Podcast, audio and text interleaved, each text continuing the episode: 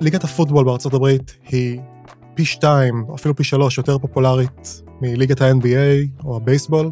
אני עובד של הליגה עצמה, יושב במנהלת הליגה במנהטן. תמיד יכולתי לחזור חזרה להייטק, לגוגל ולאינטל ולפייסבוק וכולי, אבל הרגשתי שזה יהיה לחזור לאזור הנוחות שלי, ורציתי לצאת מאזור הנוחות, רציתי להתפתח ולגדול, רציתי להגשים את החלומות שלי ולחיות את החיים שתמיד חלמתי עליהם, ולא ויתרתי, ובסופו של דבר הגשמתי את המטרה.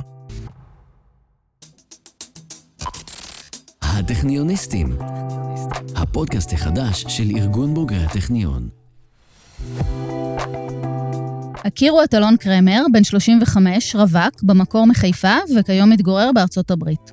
בוגר תואר ראשון מהפקולטה למדעי המחשב בטכניון. עובד בליגת הפוטבול האמריקאית, ה-NFL, כאנליסט הנתונים הבכיר של הליגה. אני רותי דונג, מנכ"לית ארגון בוגרי הטכניון, והיום בפודקאסט הטכניוניסטים נדבר עם אלון על אחים גדולים ומעוררי השראה, על סימון יעדים ארוכי טווח ועל שילוב בין אהבה וקריירה. הטכניוניסטים. שלום אלון. שלום, מאוד uh, כיף לי להיות איתכם. ספר לנו על האהבה שלך לספורט, או אם לחשוף את הגיל שלנו, באת אלון, באת. האהבה שלי לספורט התחילה ממש מימי הילדות בחיפה. אני גדלתי uh, למשפחה עם שלושה ילדים, אני הייתי הצעיר, ואחי הגדול היה גדול ממני בעשור. והוא היה מאוד, מאוד אהב ספורט, היה אוהד שרוף של מכבי חיפה, וכבר בשנות הילדות שלי הוא אמר לי, אני נותן לך בחירה חופשית. אתה יכול או לאהוד את מכבי חיפה, או לאהוד קבוצה אחרת ולחטוף מכות כל החיים. אני ואח שלי היינו מאוד uh, קרובים. היינו ביחד אין ספור שעות במשחקי מחשב, שמיעת מוזיקה של שנות ה-80 וה-90, היינו משחקים uh, כדורסל וצופים בכדורסל, ואפילו היה מעיר אותי בשעות הקטנות של הלילה uh, לצפות בפלייאוף של ה-NBA. וככה גדלתי, כשאני מאוד חשוף גם לאהבה לצפות במשחק וגם לשחק, ובעצם הרגשתי שזה מה שעושה לי טוב וכיף בחיים, וכמובן יש עוד הרבה מאוד אנשים שמרגישים ככה. אתה אפילו הקמת את ארגון האוהדים של הקבוצה, זה נכון?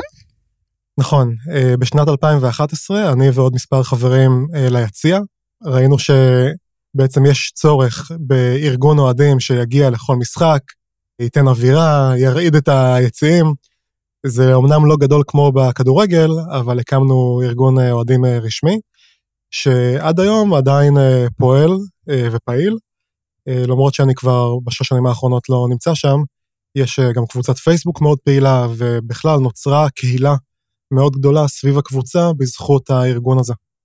והיום כשאתה חי בארצות הברית, אני מניחה שאתה כבר לא מלווה את הקבוצה לכל מקום, אז איך האהבה שלך לספורט בכל זאת באה לידי ביטוי? אז האמת שלפני שנתיים, מכבי חיפה כן הגיעה ללוס אנג'לס לשחק משחק ידידות מול הלוס אנג'לס קליפרס מה-NBA, ונסעתי במיוחד ארבע שעות כל כיוון כדי כן להגיע למשחק. אני עדיין מעורב בקבוצה בפייסבוק של האוהדים, אבל חוץ מזה נחשפתי לבאמת עולם חדש של ספורט אמריקאי, מן הסתם ה-NBA, שאני הייתי הולך להרבה משחקים של הסלטיקס, ופוטבול.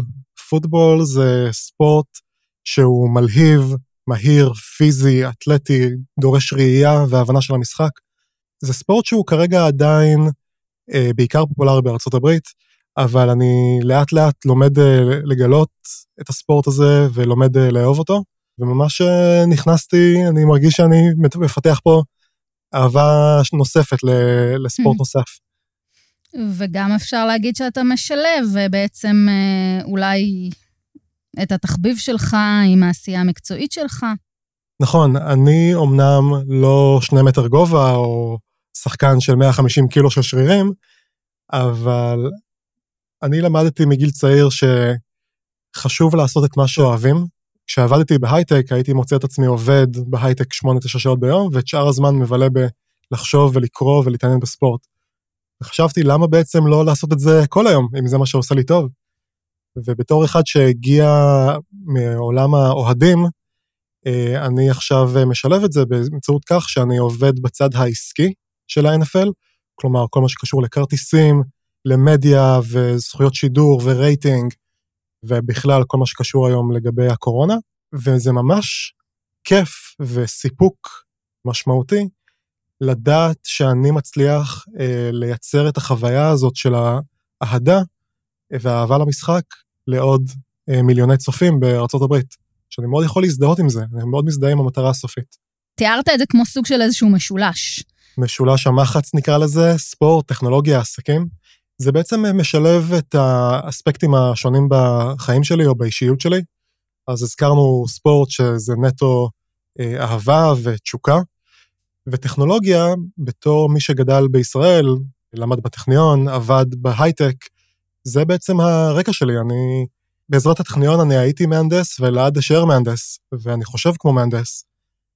אה, עסקים מגיע מהצד האמריקאי, שעשיתי תואר שני במנהל עסקים, MBA, באוניברסיטת הרווארד Business School, שנתיים מלאות של אה, תואר, אה, שבאמת פתח לי את האופקים ונתן לי להבין באמת מה מניע ארגונים ומה מניע אנשים ואיך אה, להשיג מטרות בעולם העסקי.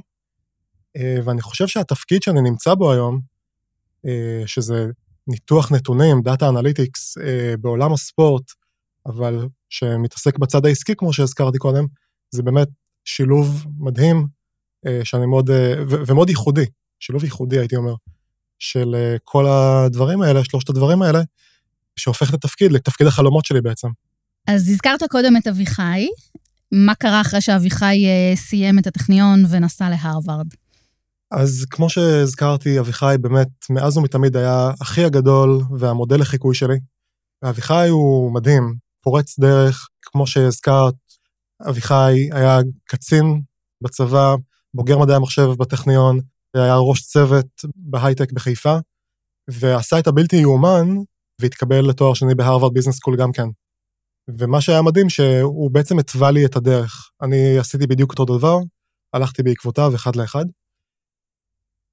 אבל אה, לצערי, ב-2004, בשנתו הראשונה של אביחי בלימודים, הוא הרגיש שהיד שלו נחלשת, והוא ניגש לעשות uh, סדרת בדיקות שבסיומן uh, יבחנו אותו כחולה ALS, שזה סוג נוראי של ניוון שרירים, שבהם כל השרירים המוטוריים בגוף uh, מתים, uh, נשארים רק העצבים הסנסוריים, התחושה, וכל החושים uh, לא נפגעים. המוח לא נפגע, הראייה, השמיעה, הטעם, הריח, הכל נשאר uh, כרגיל. Uh, זו מחלה מאוד קשה, כי אין לה טיפול היום, אפילו לא משהו שיכול להאט את התקדמות המחלה, ובממוצע, מרגע האבחון, בתוך שלוש עד חמש שנים בממוצע, אה, החולה אה, נפטר. אה, הוא כבר לא מצליח לאכול בעצמו, לא יכול לדבר, לא יכול לנשום. הרגע הזה שאביחי אובחן ב-ALS תפס אותי, אני הייתי בדיוק בצבא, בחיל הים, וזו מחלה שהיא מידרדרת. בהתחלה בהתחלה קצת קשה ללכת, קצת קשה לדבר, אבל מהר מאוד מגיעים למצב שצריכים להיעזר בכיסא גלגלים. ואביחי לא ויתר. למרות המחלה, יש הרבה אנשים שבוחרים לעזוב את הכל ולחיות את שארית חייהם על איזשהו אי בתאילנד, או להיות בחזרה קרוב למשפחה והחברים בארץ. ואביחי החליט לסיים את הרווארד. אמ, שזה היה מדהים, הוא, פשוט ראה את התמיכה של כל הפרופסורים ושל הסטודנטים והקהילה, כולם התייצבו מאחוריו אה, ועזרו לו בהמון המון דברים. וגם אני, ביומיים אחרי שהשתחררתי מצה"ל, הייתי כבר על המטוס לבוסטון, זה היה כבר לקראת סיום הלימודים של אביחי, והייתי אצלו שלושה חודשים, אה, ישנתי אצלו על הספה כדי לעזור לו בכל מיני דברים, החל מהפעולות הבסיסיות של להתלבש ולאכול, אמ, ועד הדבר היותר משמעותי, שזה מה שאביחי החליט לעשות, אה, הוא החליט שהוא לא ייתן למחלה לנצח אותו, והוא החליט בזמן ששאר חבריו ללימודים הולכים לעולם העסקים ולהקים עסקים, אביחי החליט להקים עמותה, עמותה ללא מטרת רווח, בשם פרס לחיים, או Prize for Life. לא זוכר שאני התרגשתי כל כך בטקס. מה שראיתי פה אצלך, אביחי, זה לא רק חדשנות ויזמות, אתה לא רק יזם, אתה גיבור. אתה גיבור. הוא החל לגייס עשרות מיליונים של דולרים לצורך מחקר. אני הייתי רוצה יעד ראשון, בוא נכפיל את הכסף שמושקע במחקר, נכפיל אותו פי שניים. אז אני גם הצטרפתי ועזרתי לו בפגישות, בהכנה של מצגות, אה, להגיע לפגישות, אה, ובאמת לתרום את חלקי, למרות שהייתי מאוד אה, צעיר. בעצם היית איתו בבוסטון עד שהוא סיים את התואר, ואחר כך אני מבינה שחזרתם שניכם לארץ? כל התהליך הזה היה מאוד קשה, כי לא רק שעכשיו זה לטפל באח חולה, פתאום גם היוצרות התהפכו.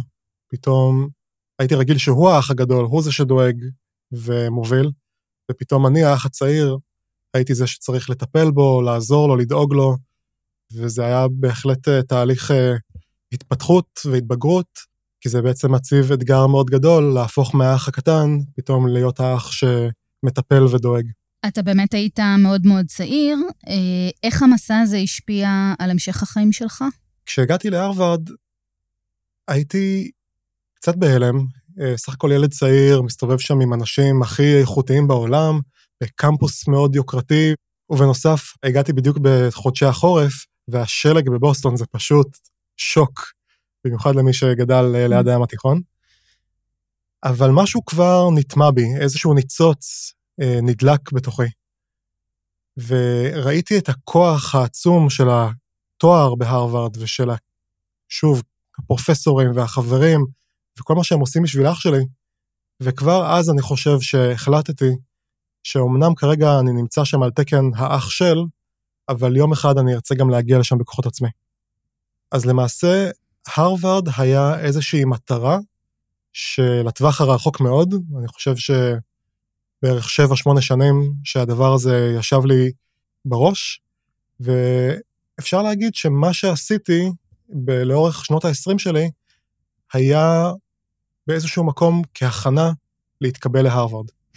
אתה חושב שגם uh, מתוך איזושהי תפיסה של uh, החיים קצרים ואי אפשר לבזבז אותם? זאת אומרת, אתה חושב שזה השפיע עליך גם בכיוון הזה? אני חושב שזה השילוב. בישראל, לעבוד בספורט זה משהו שהוא uh, מאוד uh, קשה. התעשייה מאוד קטנה, מאוד, uh, צריך להיות מקושר מאוד, uh, ולא בדיוק uh, הרגשתי שזה בר הישג.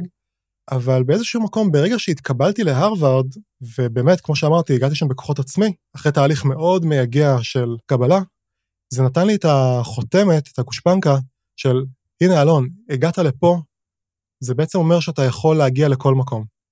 ומאותה נקודה הצבתי לעצמי מטרה אה, להגיע לעולם הספורט, למרות שבאתי בלי רקע, היו הרבה קשיים, יש פה ענייני ויזת עבודה, התרבות היא תרבות מאוד לא אופיינית לישראלי, תרבות הספורט האמריקאי הכוונה, אבל החלטתי שאני לא מוותר, ובשנים האחרונות, אני כבר שש שנים בארצות הברית, כולל התואר, שמעתי הרבה לא.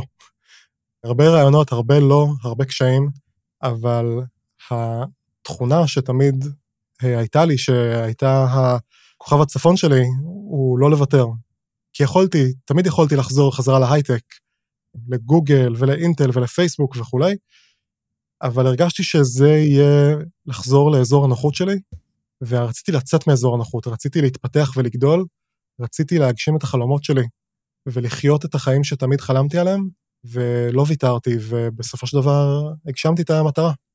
ליגת הפוטבול בארצות הברית היא פי שתיים, אפילו פי שלוש, יותר פופולרית מליגת ה-NBA או הבייסבול.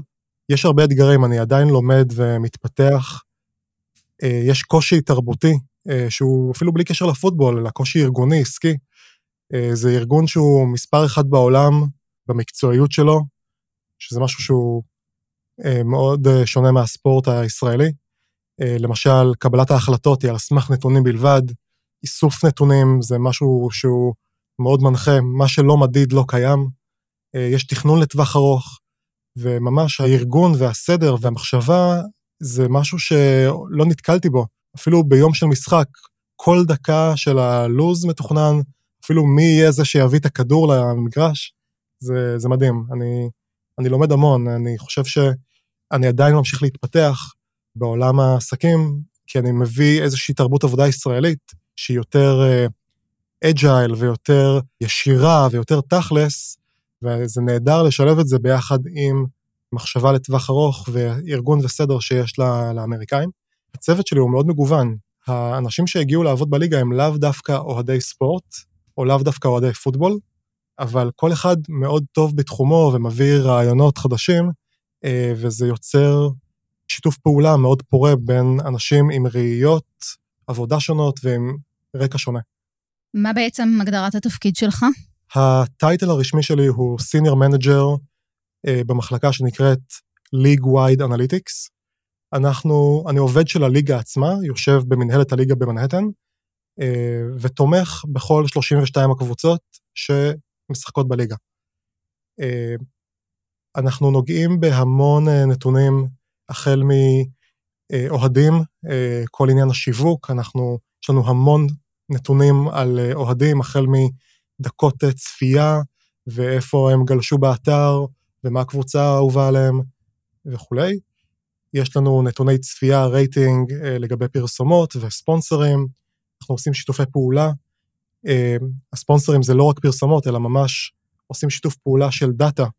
אה, עושים איזשהו, אנחנו קוראים לזה blind merge, שאנחנו לוקחים שני מסדי נתונים, אה, נותנים לגוף שלישי שהוא עיוור לפרטים האישיים של אותו, אותם אוהדים. אנחנו צריכים ללמוד משהו על ההתנהגויות המשותפות בין לקוחות של ספונסר לבין האוהדים. בהרבה ליגות ספורט, NBA, ליגת אלופות, בייסבול, החליטו השנה, בעקבות הקורונה, לארח משחקים ללא קהל. ובפוטבול יש אצטדיונים ענקיים, של 70, 80 אלף מקומות, ועלתה בי המחשבה, מה, אי אפשר להכניס עשרה אוהדים, מאה אוהדים, אלף אוהדים, בתוך כדי שמירה על מרחק וכללי הבריאות. וחשבתי, אולי זה יהיה פרויקט דאטה מעניין, או פרויקט טכנולוגי מעניין, למצוא את אותו מספר אופטימלי שאפשר למקסם את כמות האוהדים שנכנסים לאצטדיון, אה, תוך כדי שמירה על כללי הזהירות והבטיחות. ואכן אה, עשיתי את הפרויקט הזה עם עוד אה, צוות אה, של אנליסטים, אחד הפרויקטים הכי מעניינים שיצא לי לעבוד עליהם, ויצא לנו תוצאות מדהימות.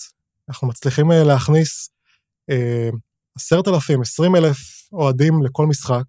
זה אמנם יחסית אחוז קטן, זה בסביבות ה-20% מתכולת האצטדיון, אבל א', זה מאוד כיף לאוהדים, זה עושה אווירה באצטדיון, כן יש רעש של קהל, זה מאוד חשוב גם לאוהדים, גם לשחקנים.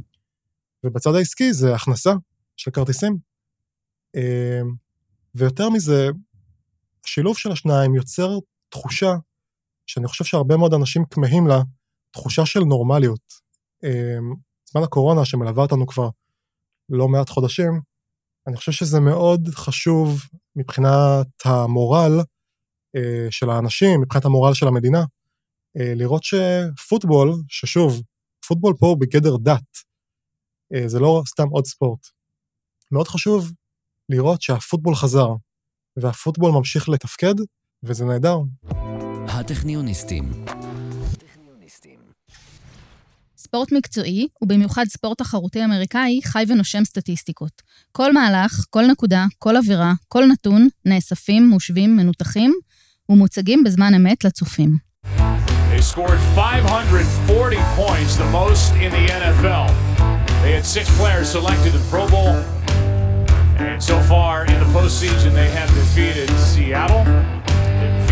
Bay, זה נכון גם לצד העסקי של הליגה, שם עובד אלון. האיסוף של הנתונים אה, נוגע גם בכל מה שקשור למשחק עצמו, לביצועים, לשחקנים, לפציעות? אז כרגע איסוף הנתונים הוא מאוד אה, יעיל, אנחנו מתמקדים כרגע למשל, הזכרתי את עניין הקורונה, אז למשל כל שחקן נושא על עצמו צ'יפ שמודד מרחק משחקנים אחרים שעונדים גם כן צ'יפים, אז זה למשל אה, מידע שאפשר להגיד שהוא עסקי, כי הוא חשוב לנו לוודא אה, איזה שחקנים חולים, או איזה, אילו שחקנים נחשפו לווירוס, וזה עוזר לנו להחליט האם לקיים משחקים או לדחות אותם. אנחנו גם עושים הרבה שיתופי פעולה עם חברות טכנולוגיה מאוד מתקדמות, אה, שכן אה, אגע בו בעתיד בכל התחום שקשור למשחק עצמו. אז למשל, אנחנו יודעים היום לעשות uh, ניתוח וידאו של כל המשחק ב, בזמן אמת. אז אפשר להשתמש בו למשל לזהות עבירות, אפשר לזהות בו אה, שמות של שחקנים או לוגו של ספונסרים ולמדוד ככה זמן חשיפה, ובעתיד גם יש טכנולוגיות, כולל כאלה שמפותחות בישראל, שאפילו יהיה אפשר באמצעות וידאו לעקוב אחרי תנועות הגוף של שחקנים ולנסות לזהות אה, חשד לפציעה או סכנה שתוביל לפציעה. איפה עומד הספורט בארץ מבחינת ניתוח נתונים? אני לא הכי מכיר את מה שקורה בספורט בארץ, כי רוב הניסיון שלי היה בארצות הברית, אבל ממה שאני כן מכיר מחבר, מחברים או מה שאני ראיתי, זה עדיין בחיתולים. אה, עוד לא באמת מכירים אה, את האוהדים, את, ההתנה, את ההתנהגות של האוהדים. אה, אני חושב שיש עוד הרבה לאיפה להתקדם אה, מבחינת אה, ניהול ומקצועיות. אני חושב שהרצון אה, שם, אני חושב שכבר רואים אה, ניסיונות של שילוב של תעשיית הסטארט-אפ. אה, אני יודע שמכבי תל אביב לצורך כדורסל, אה, משלבים אה, כל מיני חברות סטארט-אפ, אה, וכן יש מודעות, אבל בסופו של דבר צריך גם לשים את הכסף איפה שהפה, ובאמת להשקיע בזה ולגייס אנשים ולהתחיל להטמיע את כל הטכנולוגיות של איסוף המידע. הטכניוניסטים. הבנתי שככה עברת כמה מקומות מגורים אה, בתקופה האחרונה בגלל הקורונה, חזרת לחיפה ועכשיו אתה שוב בניו יורק. וואו, מאז שהקורונה התחילה, אה, אני בכלל התחלתי בווגאס. התפקיד הקודם שלי, עבדתי בתחום הימורי הספורט אה, בלאס וגאס, עבדתי עבור אחד הקזינים הגדולים, סיזר פלאס, ועשיתי את כל תחום ניתוח הנתונים עבור הימורי הספורט של הקזינו. אה, אז בתחילת 2020 עדיין הייתי בלאס וגאס, תכנון היה לעבור ישירות לניו יורק, אבל יומיים לפני הטיסה התקשרו אליי ואמרו לי, תשמע, ניו יורק במצב כל כך קשה, אה, אין לך מה להגיע לפה, כולם עובדים מרחוק. אז עוד נשארתי בווגאס, הייתי קצת אופטימי שהקורונה אולי תעבור תוך חודש-חודשיים, אבל ברגע שהבנתי שזה פה להישאר, אה, החלטתי לחזור ולנצל את הזמן להיות קרוב למשפחה וחברים בישראל, ועצם האופי של העבודה שלי מאפשר לי לעבוד מכל מקום בעולם, אז הייתי מספר חודשים בישראל, וכרגע אני באופן זמני שוב פעם בניו יורק. אה, חשבתי ש... אפשר לנצל את זמן הסגר כדי לבוא ולהתחיל להכיר יותר את העיר, להכיר את השכונות, ליצור מעגל אה, חברים, לחדש קשרים עם חברים שלמדו אותי בהרווארד, כרגע אני פה. אבל uh, הכל uh, דינמי. הזכרת קודם את אביחי, ורציתי לשאול אותך אם גם לטכניון הגעת בעקבותיו, או שהיו סיבות נוספות לזה? בתור ילד חיפאי, שגם בתיכון למדתי מדעי המחשב ופיזיקה, תמיד רציתי להגיע לטכניון, זה, זה מוסד הלימודים הכי טוב והכי מקצועי בארץ. אני תמיד מציג את הטכניון בארצות הברית בתור ה-MIT של ישראל. אה, וגם בזכות אביחי, כמובן שלמד שם, גם אחותי, האחות אה, האמצעית, גם למדה בטכניון אה, תעשייה וניהול. ותמיד ידעתי שאני ארצה להגיע לשם, אבל היה גם צורך מאוד חשוב אה, ללמוד איזשהו מקצוע שהוא מאוד נחשב ומאוד ייחודי, אה, כמו מדעי המחשב, מאחר שאפילו שהמטרה שלי בסוף הייתה להגיע לעולם הספורט, כמו שאמרתי, אה, לאהוב ספורט זה לא מספיק. אפשר להגיד שבערך כל בן אדם שני בעולם אוהב ספורט, אז זה אמנם חשוב וכיף, אבל זה תנאי שהוא לא מספיק. מאוד חשוב לפתח סקילס, אה, אה, הברית קוראים לזה Transferable Skills, אלה יכולות עבודה מקצועיות שבעצם מתמקצעים באיזשהו תחום, איזושהי פונקציה בתוך ארגון, אה, וברגע שיודעים לעשות את אותו תפקיד בצורה מאוד טובה, וזה לא משנה לצורך העניין האם זה תכנות, ניתוח נתונים, או אפילו פיננסים, שיווק, מדיה, אה, חשבונאות. אה, בסופו של דבר, הליגה, ליגה כמו ה-NFL, שהיא באמת הכי מצליחה בארצות הברית, מאוד תרצה מישהו כזה שיבוא לתוך הליגה, יבצע את אותה פונקציה בתוך תעשיית הספורט, ובנוסף יביא איתו את כל תהליכי העבודה ורעיונות חדשניים, אה, וככה הם בעצם יוכלו ללמוד מארגונים מובילים. אה, בדוגמה שלי, אני עבדתי באינטל, אז אני מביא להם תהליכי עבודה מאינטל שמאוד עוזרים לליגה בתור ארגון ששואף להתקדם. רואים את זה, אמנם ליגת הפוטבול היא קיימת כבר 100 שנה, אבל רואים שיש shift מאוד גדול לכיוון התפתחות ודגש על טכנולוגיה, במיוחד בזמן קורונה. למשל, כל עניין הדראפט, אירוע מאוד גדול שהיה אמור להתרחש בווגאס, עבר להיות וירטואלי לחלוטין, כולם עברו לעבוד מהבית בצורה מאוד חלקה.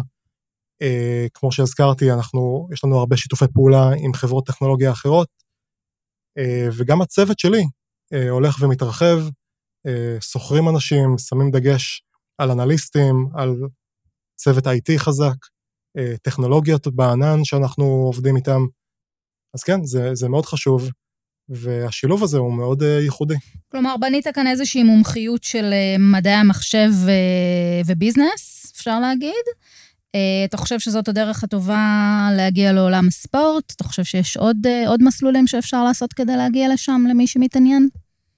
זה משעשע. כשסיימתי את הרווארד וניסיתי להגיע לעולם הספורט, אה, חלק מאוד גדול מעולם ה business school זה כל עניין ה networking. אה, מאוד מקובל פה לפנות לבוגרים של האוניברסיטה לבקשה של עזרה או היכרויות. ואחד הבוגרים הוא סגן, ה, סגן הנשיא או סגן ה commissioner של ה-NBA. וכשפניתי אליו, אה, נפגשתי איתו, הוא היה בן אדם מאוד נחמד ושמח אה, לדבר. הוא אמר לי, אלון, יש לך שתי אופציות. אתה לא הגעת מתחום הספורט, אז אתה יכול להתחיל עכשיו ממש מלמטה, ממש לענות לטלפונים אה, ולהתקדם לאט לאט. והאופציה השנייה שלך היא ללכת וכן לצבור עוד ניסיון בתחום ה data analytics, באיזושהי תעשייה שהיא אולי לא ספורט, אבל היא מאוד דומה. כלומר, כשהגעתי לווגאס, סך הכל זה תחום הימורי הספורט, תחום הבידור הוא די קרוב. ואגב, Caesars Palace זו חברה שהיא מאוד מפותחת מבחינה טכנולוגית, הם מעסיקים בערך 100 אנליסטים של, של דאטה. אה, והוא אמר, תצבור עוד קצת ניסיון, ואז תעשה shift כבר לתפקיד ברמה יותר בכירה, אה, ולי זה היה נשמע מאוד הגיוני, וזה מה שאכן עשיתי. אני לא חושב שזה לאו דווקא חייב להיות קשור לעולם הטכנולוגיה, אה, גם אם מישהו איש שיווק מדהים, אם מישהו אה, איש פיננסים מדהים, אני חושב שכל הפונקציות האלה, הן גם נמצאות בליגה. אז יש, יש איזשהו כלל אצבע שאומר, כשמחליפים עבודה, אה, אפשר לעשות שני דברים, או להחליף את הפונקציה, את העבודה עצמה, או להחליף את התעשייה. אבל מאוד קשה לעשות את שניהם. אז אני כל פעם עשיתי אחד מהם. הרקע שלך ממדעי המחשב עוזר לך בעבודה היומיומית? כן, מאוד. אני אומנם אה, מנהל בקבוצה אה, ויותר מתעסק בניהול פרויקטים, אפשר לומר, אבל אחד הדברים שלמדתי בטכניון זה ללמוד איך ללמוד. אמ, ואני לומד, מלמד את עצמי דברים באופן שהוא יחסית אה, מאוד יעיל לעומת אחרים. ולמשל, Python אה, לצורך העניין, זו שפה שלא הכרתי, אה, והיה לנו פרויקט, פרויקט של אותם, של הכנסת האוהדים לאצטדיון, משהו שנכתב ב Python, ועצם העובדה שהצלחתי ללמד את עצמי בזכות עקרונות שלמדתי בתואר, בטכניון, אז זה היה מדהים. אני הצלחתי לסיים את העבודה בקצב הרבה יותר מהיר, הצלחתי להבין יותר טוב מה שאר האנליסטים עושים, אה, איפה למצוא בעיות בקוד, איפה אפשר לשפר, אה, וזה מצחיק להגיד, אבל אני יכול להגיד שהמדעי המחשב נותן לי את האופציה, במרכאות, ללכלך את הידיים ולכתוב קוד בעצמי אם צריך, אה, אז זה ממש עוזר. הרגשת קושי מיוחד להשתלב בעולם הספורט האמריקאי בתור ישראלי שלא אוהד או לא מבין עד הסוף בפוטבול, לפחות כשהגעת לשם? הקושי התבטא אה, לא רק בעניין התרבות, אלא גם ממש בעניינים אה, טכניים. אה, בתור ישראלי שהוא לא אמריקאי, אני נדרש לוויזת עבודה. אה, ויזת עבודה זה איזשהו תהליך שהמעסיק עושה איזשהו ספונסר שיפ, אה, ויש הרבה חברות שבכלל לא רוצות להעסיק עובדים אה, זרים, ולא משנה להם אם אתה בוגר הרווארד או לא. אה, אז קודם כל יש את כל העניין הזה, זה קושי אה, שקיים ואני נתקל בו, אה, והוא טכני לחלוטין. הקושי התרבותי הוא באמת יכול להתחיל מדברים פשוטים, כמו איזה מבטא מצחיק יש לך, המבטא הישראלי. והתחרות עצמה היא מאוד קשה. כמו שאמרנו, יש המון אנשים שמאוד אוהבים ספורט, וחלקם יהיו מוכן אפילו לעבוד בחינם עבור הליגה. אה, וכל פעם כשנפתחת משרה, אז באמת יש אלפי מועמדים שצריך לנצח את כולם, כי זה לא שמקבלים מספר אנשים, תמיד יש רק תפקיד אחד. ואותו תפקיד, ברגע שאנשים מקבלים אותו, הם כל כך אוהבים את התפקיד שהם נשארים שם לאורך זמן מאוד ארוך ולא עוזבים אותו, וזה יוצר מצב של תחלופה מאוד איטית ומאוד נדיר לראות תפקיד שהוא בדיוק מתאים שאפשר בכלל להגיש מועמדות. אה, אני יכול כן לספר שגם בתור ישראלי, נסעתי להתראיין בכל מיני קבוצות, למשל במילווקי בקס, קבוצת NBA שהיא אחלה קבוצה, אבל כשהגעתי למילווקי לראיון, הרגשתי שאני ארגיש מאוד לא בנוח לגור בעיר שהיא סך הכל אין בה קהילה יהודית גדולה מדי, או קהילה בינלאומית גדולה, גדולה מדי. או גם טסתי להתראיין בניו אורלינס, אה, וזה גם הרגיש לי תרבות מאוד שונה. אז היו הרבה מגבלות, אה, ואני באמת הצבתי לעצמי יעד להגיע לאיזשהו שוק בינלאומי כמו ניו יורק, כמו לוס אנג'לס, אה, שבו גם חיי החברה וכל מה שמעבר לעבודה ישתלב טוב עם, ה, עם החיים ועם המקצוע. אז איך אתה רואה את עצמך ממשיך? אתה רוצה להמשיך בעולם הפוטבול האמריקאי, או שאתה רואה את עצמך חוזר לישראל באיזשהו שלב? בטווח הקצר, בשנים הקרובות, אני מאמין שאשאר בליגת הפוטבול בניו יורק. אני חושב שזה מקום עבודה שיכול ללמד אותי המון על איך להתנהל בארגון ספורט מקצועי ומוביל. החלום שלי בעוד 10, 15, 20 שנה, הוא להגיע לתפקיד של נשיא או מנכ"ל של קבוצת ספורט, ולא באמת משנה איזה ספורט, אם זה כדורגל, כדורסל או פוטבול, ואני חושב שהמטרה שלי תהיה ללמוד על תפקידים שונים מחוץ לקבוצת ה data analytics, כדי שאני אוכל באמת לקבל ראייה רחבה של 360 מעלות על איך עסקי הספורט מתנהלים.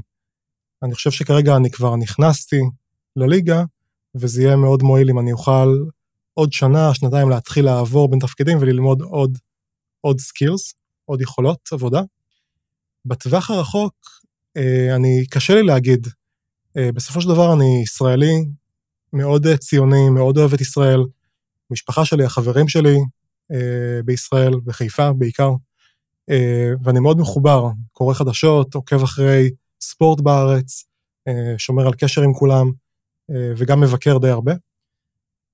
אה, אני תוהה האם כשיום אחד אגיע לארץ, אה, איפה אני אוכל, אני מאוד מקווה שאני אוכל אולי גם להשתלב בספורט ולהביא איתי את כל הידע שצברתי מארצות הברית ולהטמיע אותו בישראל ובאמת לקחת את עולם הספורט הישראלי צעד אחד או שניים או שלושה קדימה. אבל כרגע זה משהו שיושב לי. בראש, ואני עדיין, הכל, הכל עוד דינמי, ולשמחתי אני, אני אוכל אה, להחליט והמעבר יהיה קל באופן יחסי. אני תמיד, תמיד אוכל לחזור. יש לך יעדים ברמה האישית? ברמה האישית אני מרגיש שכל המעברים שלי בשנים האחרונות, אה, מחיפה לבוסטון, מבוסטון ללס וגאס, מווגאס לניו יורק, וכל הרד... ההתמקדות הזאת ב... במסלול הלימודי והמקצועי, כן בא על חשבון העולם האישי, אה, שזה העולם הרומנטי, עולם של בנות זוג או דייטים, עולם החברים. אני יכול להגיד שבווגאס אה, היה לא קל למצוא קהילה של, של אנשים, למרות שהיו לי כמה חברים מאוד טובים שם. ואני מאוד רוצה בשנה-שנתיים הקרובות, במיוחד בעיר כמו ניו יורק, אה, זה כן לשים יותר דגש, על, יש לי פה הרבה חברים שלמדו איתי בהרווארד שעובדים בעיר, אה, וכבר התחלתי אה, להודיע לכולם שעברתי לכאן, ושאני מאוד אשמח לחדש את הקשרים ולחזק אותם. אה, וגם אה, עולם הדייטים, אה, יש פה קהילה יהודית ענקית, המון ישראלים גם, ואני חושב שכרגע הדגש הוא באמת על למצוא את הבת זוג שתתאים לי ולהקים משפחה, כי זה לא פחות חשוב מהעולם המקצועי, אפילו חשוב יותר. אני חושב. שבזמן הקורונה הרבה אנשים הוצאו לחל"ת או פוטרו, אה, אז מקום העבודה, עם כמה שהוא חשוב ו... והוא מרכזי בחיים, אה, הוא לא תמיד יהיה שם, אה, ומשפחה תומכת וחברים טובים, כן. אני מתנדבת לרכז את הפניות הרבות שיגיעו בעקבות השיחה הזאת. אמיין ואעביר לך, אעביר לך אופציות רלוונטיות. בכיף. לקראת סיום רציתי לבקש ממך אה, עצה לסטודנט או לסטודנטית המתחילים את אה, צעדיהם הראשונים בטכניון. הייתי אומר שיש שלוש עצות. הראשונה היא להציב מטרה. אה, מטרה בטווח הרחוק, מטרה בטווח הקרוב. אני חושב שזה עוזר אה, להתמקד תוך כדי תנועה, זה עוזר לתת משמעות למה שעושים באותו רגע, וזה באופן כללי טוב לדעת למה, מה עומד מאחורי מה שאנחנו עושים היום, לאיפה אנחנו רוצים שזה יוביל אותנו. העצה השנייה תהיה אה, לקבל אתגרים, לקבל את הקושי ואת העומס בהבנה, ואולי אפילו באהבה.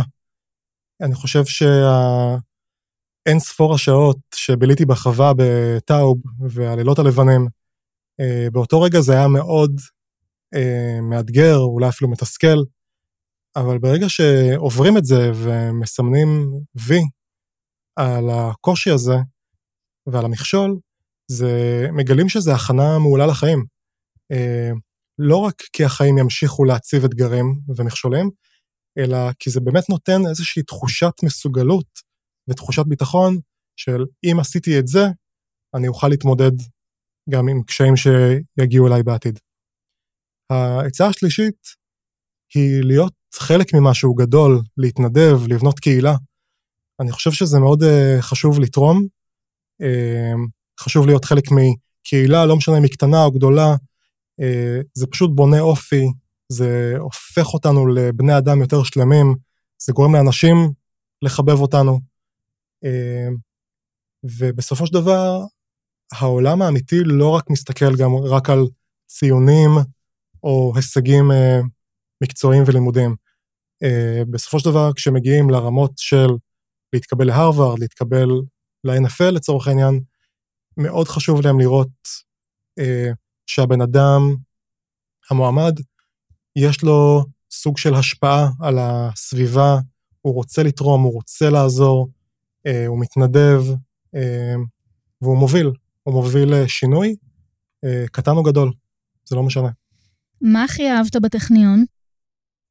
אני חושב שבטכניון, אה, בעצם בכל מקום, מה שהכי כיף זה החברים. למרות שאני עדיין זוכר איך לתכנת, אה, או יודע, כמו שהזכרתי, ללמוד איך ללמוד, אני חושב שברגע שמסיימים את התואר, ובשנים שלאחר מכן, אה, אנחנו לא זוכרים את התרגול חדווה, אנחנו לא זוכרים את השיעורי בית שעשינו בחווה. אבל חברים זה משהו שנשאר לאורך זמן, אה, זה חוויות משותפות, זה זיכרונות, וזה באופן כללי כיף אה, להיות אה, עם אנשים איכותיים, וזה גם תמיד יכול לעזור בענייני קריירה אם צריך. ומה קיבלת בטכניון שלא היית מקבל בשום מקום אחר? אני חושב שהטכניון משלב מאוד מוקדם, הייתי אומר אפילו ש... השבוע הראשון או השני בלימודים, סמסטר ראשון, אה, כבר מציב סף קושי ועומס אה, מאוד מאתגרים, אה, שכמו שאמרתי, הוא בסופו של דבר מחזק ונותן את היכולת להתמודד עם אתגרים כאלה בעתיד. ואני חושב שקיבלתי באמת את היכולת למידה עצמית הזאת, שפשוט נשארת. ביטחון לדעת שאני יכול ללמוד כל דבר שאני אחליט, כי היום מידע כל כך נגיש, זה רק לחפש אותו ולקרוא ו... ולתרגל. ואלה שני הדברים ש, שמאוד אהבתי. אפשר להגיד שהגשמת את החלום. אתה עובד באחד מגופי הספורט החזקים בארצות הברית. רציתי לדעת איך זה מרגיש לעשות את זה, להיות חלק מהדבר הענקי הזה. וואו, אני חושב שזה מרגיש כמו שעמרי כספי הרגיש כשהוא התקבל ל-NBA, להיות הישראלי הראשון ב-NBA. אני מבחינתי, זה היה מסע של באמת שנים, שבסופו של דבר, למרות הקשיים, למרות שקיבלתי הרבה דחיות, אה, זה שבסוף הגשמתי את זה, זה פשוט תחושה נהדרת של הגשמת החלומות אה, ולחיות את זה, זה, זה מאותם רגעים שבאנגלית קוראים לזה pinch me moment, שאני צריך לצבות את עצמי, להזכיר לעצמי שאני ער. זה באמת, קודם כל, כיף גדול להיות חלק מעולם הספורט האמריקאי ברמות הכי גבוהות, וזה גם כיף גדול וסיפוק אדיר לדעת שהגשמתי את מה שעבדתי כל כך קשה כדי להשיג. המטרה שלי זה באמת שמי שישמע את זה ידע שכמה שהחלומות שלו או שלה הם נשמעים רחוקים או פרועים, באמת שאם אני השגתי את זה, אז גם אתם יכולים, הכל אפשרי, רק תעבדו קשה ובסוף זה ישתלם. אלון, תודה רבה לך. בבקשה, אני מאוד שמחתי. ותודה לכן ולכם על ההאזנה. אנחנו הטכניוניסטים, הפודקאסט של ארגון בוגרי הטכניון. תוכלו למצוא אותנו ביישומוני הסטרימינג וההסכתים, ספוטיפיי, גוגל, אפל, דיזר ועוד. שם אפשר להאזין לכל הפרקים ולהירשם לקבל עדכונים על פרקים חדשים. אתם טכניוניסטים, יש לכם סיפור מעניין? פנו אלינו דרך אתר ארגון בוגרי הטכניון. אני רותי דונג, להתראות. הטכניוניסטים, הפודקאסט החדש של ארגון בוגרי הטכניון. הטכניוניסטים, זמין להאזנה בספוטיפיי, דיזר, אפל פודקאסט, גוגל פודקאסט ובאתר ארגון בוגרי הטכניון. הטכניוניסטים